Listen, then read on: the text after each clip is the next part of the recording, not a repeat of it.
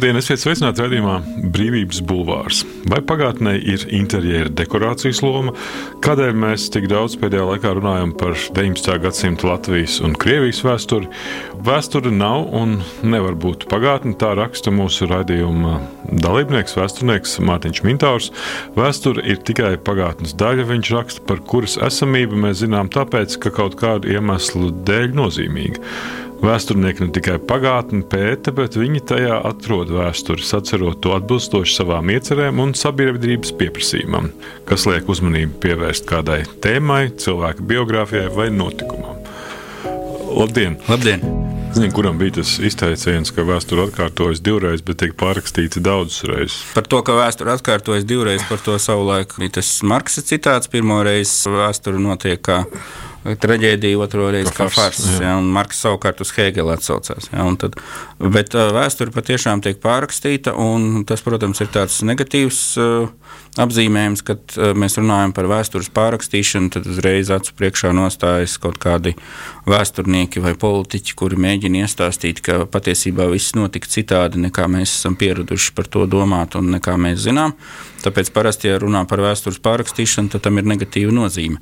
Bet patiesībā vēsture tiek pārrakstīta tieši tā iemesla dēļ, ka mēs ne tikai uzzinām kaut ko jaunu, ko iepriekšējās paudzes nezināja par savu pagātni, bet arī tāpēc, ka mēs eh, citādi skatāmies uz jau zināmām lietām, uz to, kas ir noticis. Ja? Nu, teiksim, cik reizes var no jauna apgūt otrā pasaules kara vai 1905. gada revolūcijas vēsturi, bet izrādās, ka var. Jo ne tikai tāpēc, ka katra jauna studenta un vispār cilvēku paudze, kas nāk un interesējas par pagātni, viņi par to uzdod citus jautājumus, viņi tur atrod arī citas atbildes un pamana kaut ko tādu, kas nav pamanīts. Ja? Nu, piemēram, lai nebūtu tāda tīra teorētiska runāšana, tad nesen publicēta ieva grāmata nepateicīgie, kas ir par laika posmu kurš skar arī zināmu periodu, 20. gadsimta sākumu līdz Latvijas valsts dibināšanai līdz Pirmajam pasaules karam, kas tad notiek tajos desmit gados, starp 1905 un 1915 gadu, kad mūs sasniedz Pirmais pasaules karš Latvijas teritorijā. Un izrādās, ka tur arī ir ļoti daudz interesantu atklājumu, un ka tas stāsts ir arī pat ilgāks nekā tikai no 5. gada, bet sākas jau 19.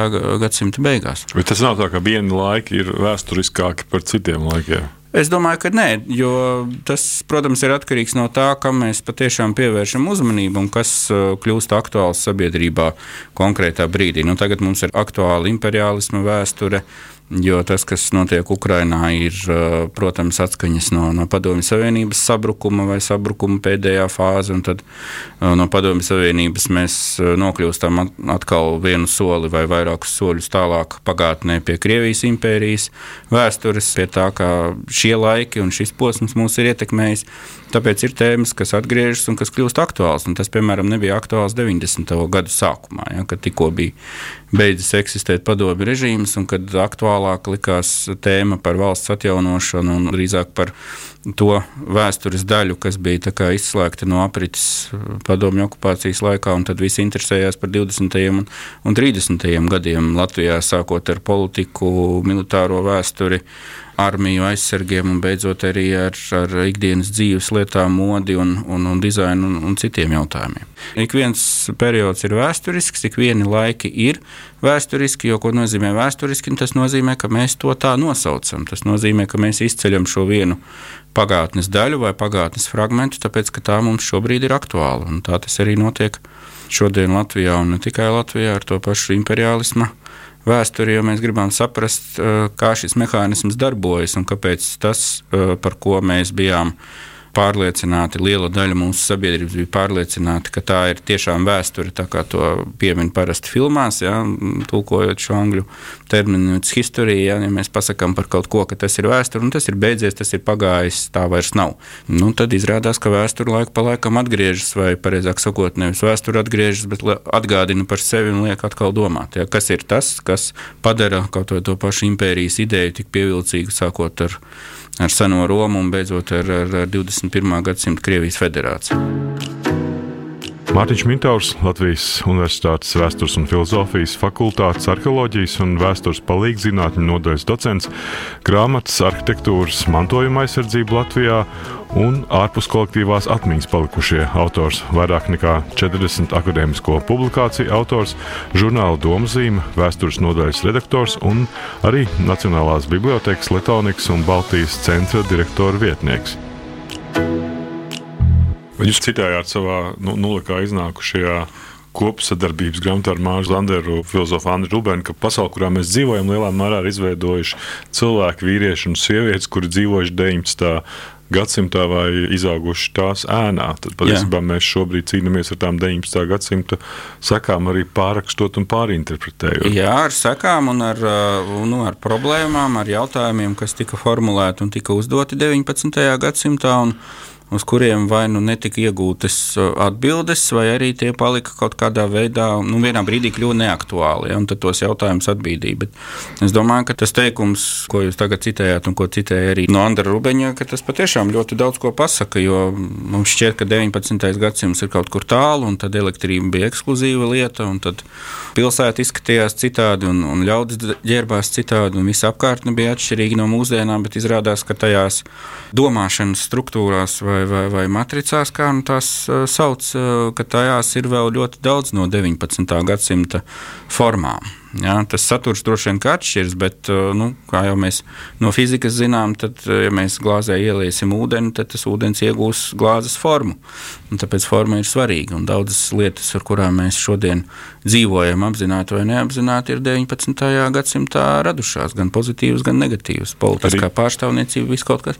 Arī šis jautājums par to, kā mēs tiekam galā ar impērijas Jā. sekām, jo tas ir periods, kurš ir saistīts ar uh, problemātiku Latviju kā Krievijas uh, impērijas provincija vai sastāvdaļa. Jā, jā. Protams, jā, un tāda bija lielākā daļa Eiropas, uh, kuru mēs pazīstam kā centrālo vai centrālo un austrumu Eiropu. Jo, Šīs lielās impērijas jau pastāvēja līdz Pirmajam pasaules karam - Krievijas impērija, Vācijas impērija un Austro-Ungārijas impērija. Un, uh, protams, ka beidzoties šo impēriju formālajai eksistencei, impērija diemžēl nebeidzās ne cilvēku galvā, ne ne dzīves paradumos bieži vien. Ja, tāpēc, Bet uh, jūs, nu, šī dekolonizācija nenotika arī 20. gados pagājušā gadsimta? Uh, nepaspēja, protams, jo nu, no vienas puses ir Versaļas uh, līgums, kas tā kā Versaļas miera līgums 19. gadā, kurš izbeidz Pirmo pasaules karu oficiāli pabeidz un izbeidz arī šo lielo impēriju eksistenci, un tad nāk vietā nacionālās valstis, kuras veidojas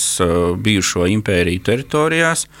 Bet uh, cilvēki jau ir tie paši, kas dzīvoja šajās uh, vietās pirms Pirmā pasaules kara sākuma. Nu, Latvijas gadījumā ir tā milzīgā bēgļu kustība, kuru mēs piedzīvojam 15. gadā, un kas uh, izslauka pusi no valsts teritorijas iedzīvotājiem ārā. Mums ir apmēram pusotrs miljonus iedzīvotāju, nepilnīgi divi miljoni. Tad, tad pirms Pirmā pasaules kara rēķina tagad pēc jaunākiem pētījumiem 600 tūkstoši vai vairāk kā 600 tūkstoši ir bēgļu gaitās. Tas ir pietiekami liels skaits. Un, līdz ar to tad, nu, mums tā situācija nedaudz atšķiras varbūt piemēram, no Polijas vai no Čehoslovākijas tajā laikā.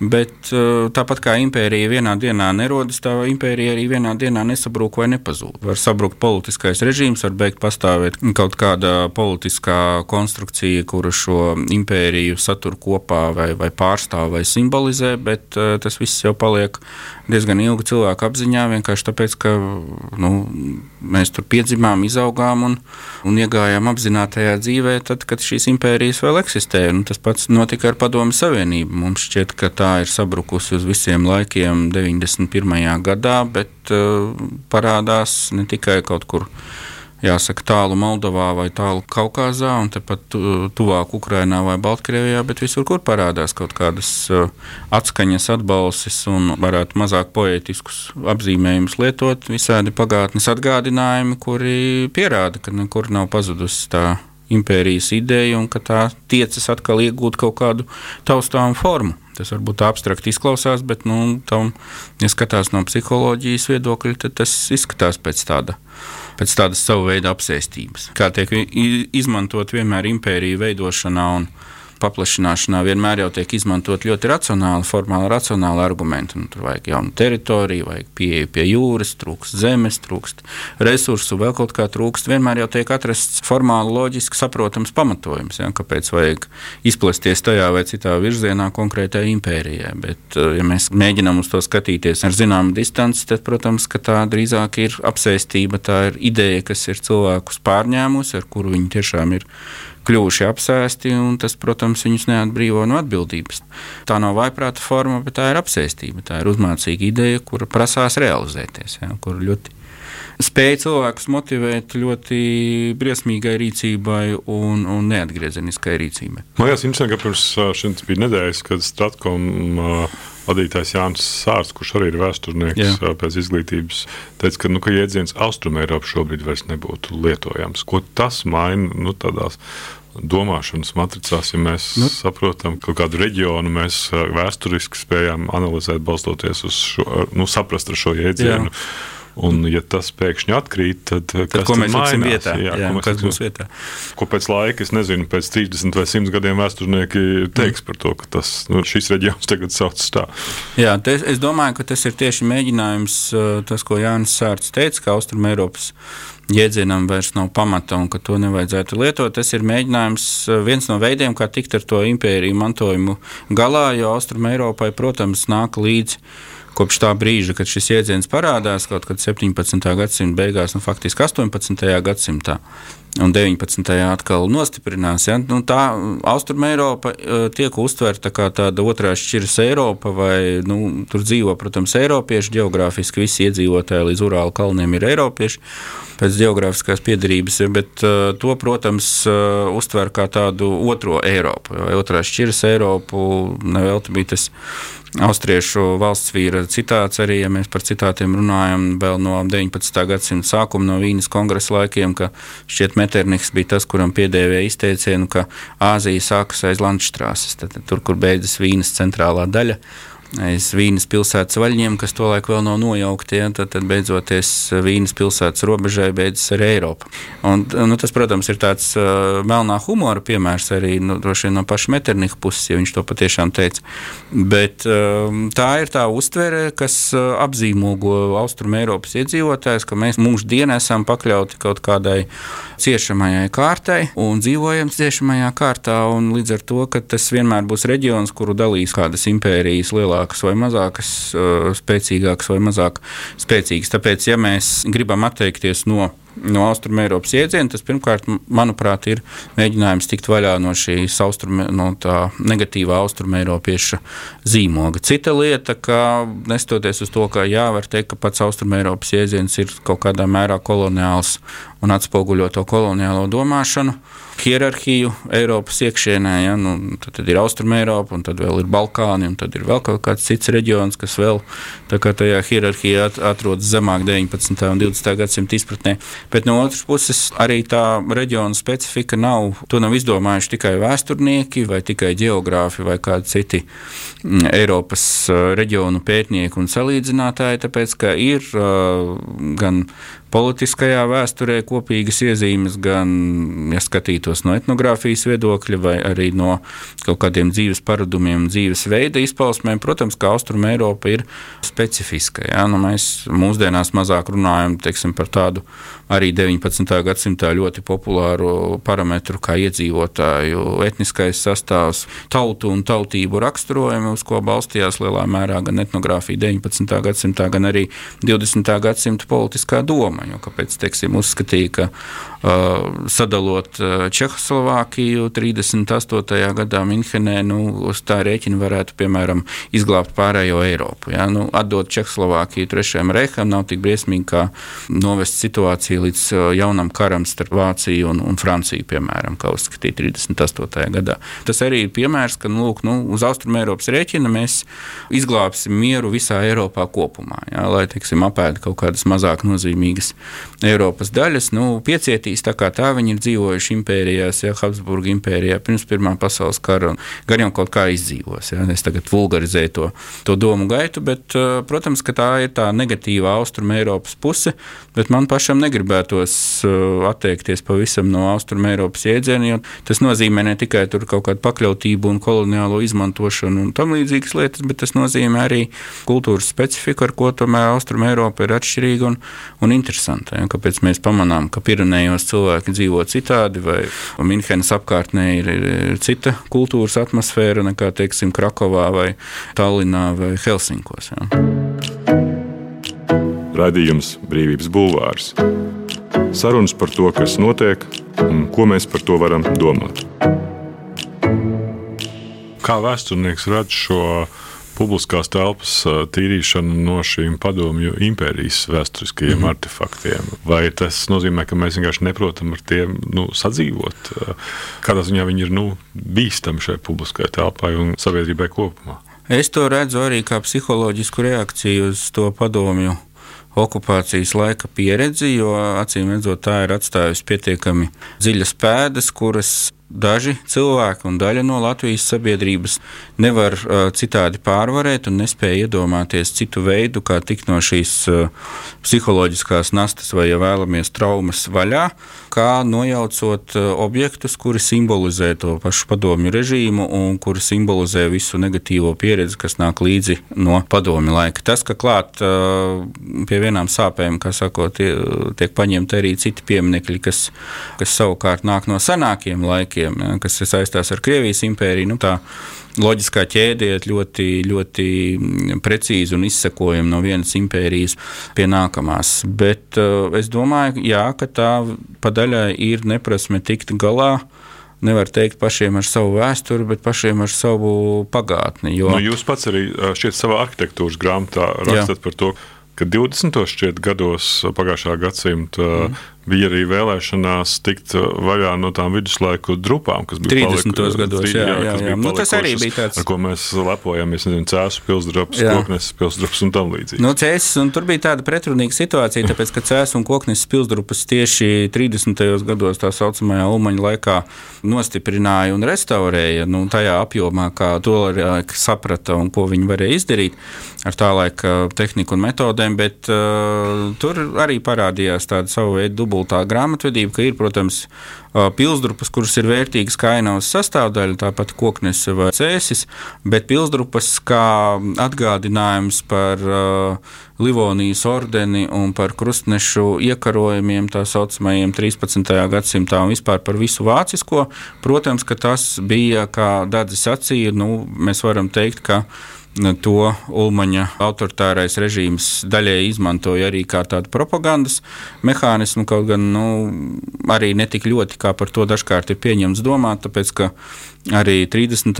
gados pamazām situācija Eiropā sabiezinoties, ar, arī Ulmaņa režīms skatījās ar zināmām bažām uz Vācijas ietekmes pieaugumu. Mēs dažkārt aizmirstam, ka Vācija, sevišķi pēc Hitlera nākšanas pie varas, uzskatīja tieši Latvijā, citās Baltijas valstīs bija atšķirīgi uzskati, bet pie mums to uzskatīja par galveno ienaidnieku. No tā baidījās vairāk nekā no tā, ka varētu būt kaut kāds spiediens vai ietekme no, no Padomju Savienības vai vulgāri runājot no Krievu puses. Bet, nu, tomēr nenojauc tās drošības. Tomēr nenojauc, tāpēc, ka. Jo vienlaicīgi, kā jūs teicāt, bija divi procesi. Viena, kas atbalstīja saglabāšanu un finansē, un otrs, kas. Jā, nu, tāpēc, ka pieminekļu valde, tā izglītības ministrijas iestāde, kas bija atbildīga par visiem kultūras pieminekļiem Latvijas teritorijā pirms otrā pasaules kara, nu, viņi tieši to dubulto politiku arī īstenoja, tāpēc, ka tika atrasti līdzekļi un veidoti projekti lielāko un, un pazīstamāko, un kā toreiz teica, nozīmīgāko pilsdrupu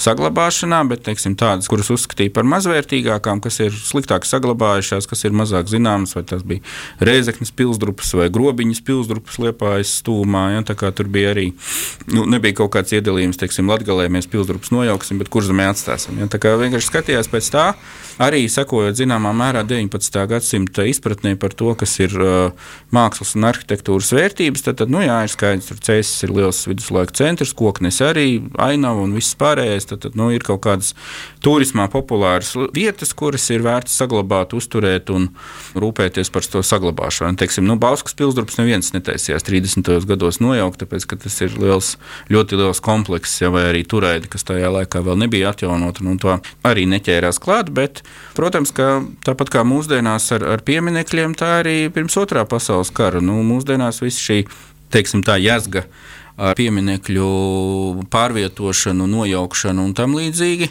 Tā arī ir saistīta ar to, ka katram piemineklim ir tāda divsējainā Jānusa daba. No vienas puses tas ir politisks objekts, un, jo pieminekļus uzstāda un arī nojauc tieši politisku iemeslu dēļ, un tāpēc, ka ir šis politiskais pieprasījums vai nu kaut ko atzīmēt, vai gluži otrādi to, šo atgādinājumu izņemt no publiskās telpas, ja to uzskata par traucējošu.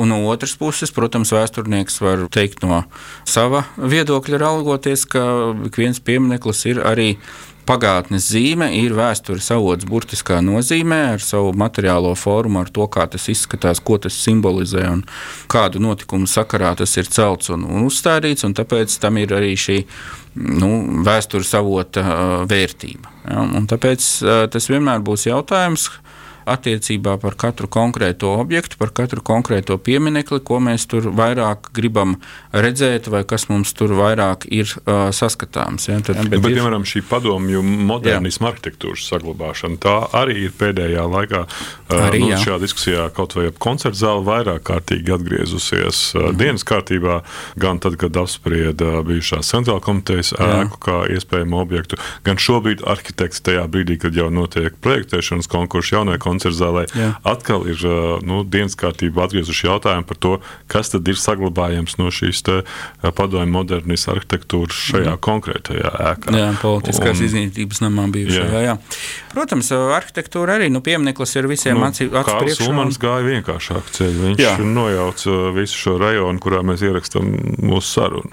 Jā, nojauca jā, visus tos žurku graustus, kā rakstīja tā laika presē. Un, un, tā arī bija, ka tur bija tās žurkas, vai tas bija? Uh, nē, nu, žurku grausts, protams, ir tāda metafora, ja, jo tas, to, to rakstīja jo. cilvēki, kas apgalvoja, ka veltīgas ir mūsu vāciešu bēdas par dažiem žurku graustiem, kurus nojauca, lai, lai atbrīvotu skatienam Māras baznīcu, ko, kā to laik sauc Doma katedrāle. Ja. Tad, kad to 30. gados darīja, tad arī bija cilvēki ne tikai Vācu baltiešu vidū, bet arī latviešu vidū, kur teica, ka tas ir uh, novecojis paņēmiens un ka tā tīrīja Parīzi 19. gadsimta vidū, kas ir tas lielākais uh, piemērs, ja, kur tad, tad Parīzes vecpilsētu arī nojauca Nevis tāpēc, ka to bija cēlus kāda sveša vara Francijai vai franču tautai naidīga vara, bet nojauts kā estētiski mazvērtīgu, atstājot tad, tad Parīzes Dilmānas katedrālu un apkārt tur ir 19. gadsimta apbūve. Jā, visi slavenie bulvāri, Elizejas lauki, Uh, asas, uz kura atrodas Eifeļa tornis. Tas viss ir 19. gadsimta vidū iecerēts un 19. gadsimta otrajā pusē uzbūvēts. Izņemot Monmartru un, un tad, tad to mākslinieku kvartālus, kur vienkārši reliefs neļāva 19. gadsimtā, tad būtu jānoro kalni, uz kuriem pauguri, uz kuriem tā apbūve atradās. Ja? Bet visur, kur reliefs netraucēja, tur to arī izdarīja. Nu, arhitektūrai arī ir simboliska nozīme, un, protams, ka tās kaislības, kas uzvirmoja attiecībā par centrālu komitejas ēku, tas ir savā ziņā tā bija. Toreiz to paredzēt, protams, nevarēja, jo nebija vēl sācies karš, un nebija arī viss tā konteksts, kas mums ir šodien, uz kuru atsaucas vietā un nevietā, gan kā argumentu pret, gan par.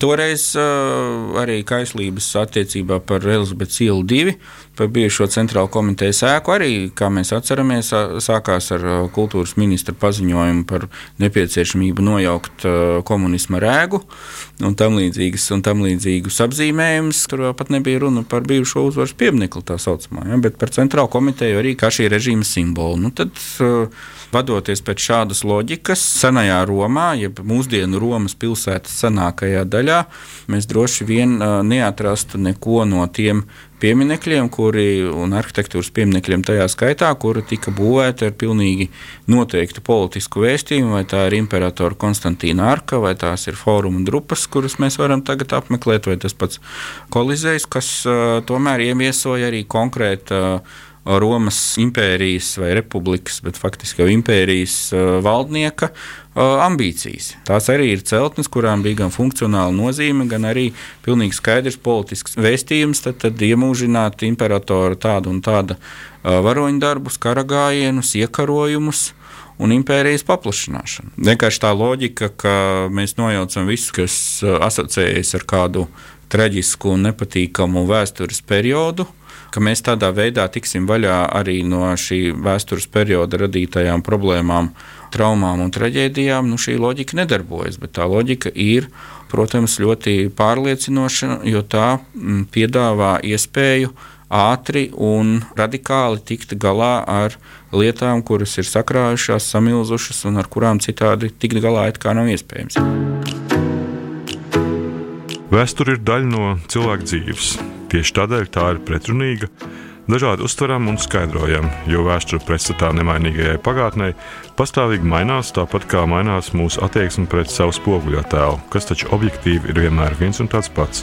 Vēsture mums vajadzīga tādēļ, ka tajā mēs ieraugām tādu pagātni, kāda mums ir nepieciešama, un tas nozīmē, ka šī pagātne var būt arī nepatīkama, traucējoša vai mulsinoša. Vēsture ir tā mūsu pieredzes daļa, ko labprāt cenšas iekalt akmenī. Taču paiet tikai viens paudzes dzīvē atvēlētais laiks, un pie mums atgriežas jautājumi, kas šķiet esam atbildēti uz visiem laikiem. Un Latvijas vēsture nav izņēmums. Tā grāmatā, ārpus kolektīvās atmiņas palikušie, raksta vēsturnieks Mārtiņš Mintāvs. Šeit ir arī tas, man liekas, tas pats jautājums, ko Inete Lipša atsakoties Jā. no gada vēsturnieces titula piešķiršanas ar viņas abām grāmatām pagājušā gadā mm. sarakstītajām. Tas arguments ir tieši par nepietiekamo akadēmiskās vēstures pētniecības finansējumu. Viņa saka, ka mēs šobrīd jaucam šo vēstures komunikāciju Jā. un akadēmisko pētniecību. Un patiesībā tā komunikācija bez tās pētniecības nav uh, iespējama. Un, principā, ja būtu šī akadēmiskā pētniecība par šiem periodiem, jomām un tēmām, mēs būtu daudz mazāk sensitīvi šajā komunikācijā, vai tā nav? Tā ir. Es varu Inetei, savai kolēģei, tikai piekrist. Ko viņa teica, pamatojot savu rīcību un savu nostāju. Tāpēc, ka, protams, mūsdienu sabiedrībā eksistē viedoklis, ka galvenais ir komunicēt kādu vēstījumu, un atkal mēs nonākam pie tā paša, ka galvenais ir pasniegt šo vēstījumu sabiedrībai viegli uztveramā formā, bet mazāk domāt par šī vēstījuma saturu. Inetē ir pilnīga taisnība, un arī citiem kolēģiem, vēsturniekiem ir pilnīga taisnība ka vēstures zinātnē, akadēmiskā pagātnes izpēte ir turēta bada maizē pietiekami ilgu laiku. Jautājums, kāpēc, un jautājums, ko tur varēja darīt vai nevarēja darīt, lai šo situāciju mainītu, bet tas uh, parāda, šī situācija parāda vienkārši to attieksmi, kāda Latvijas sabiedrībā ir pret uh, vēsturi kā akadēmisku disciplīnu vai pret vēstures zinātni.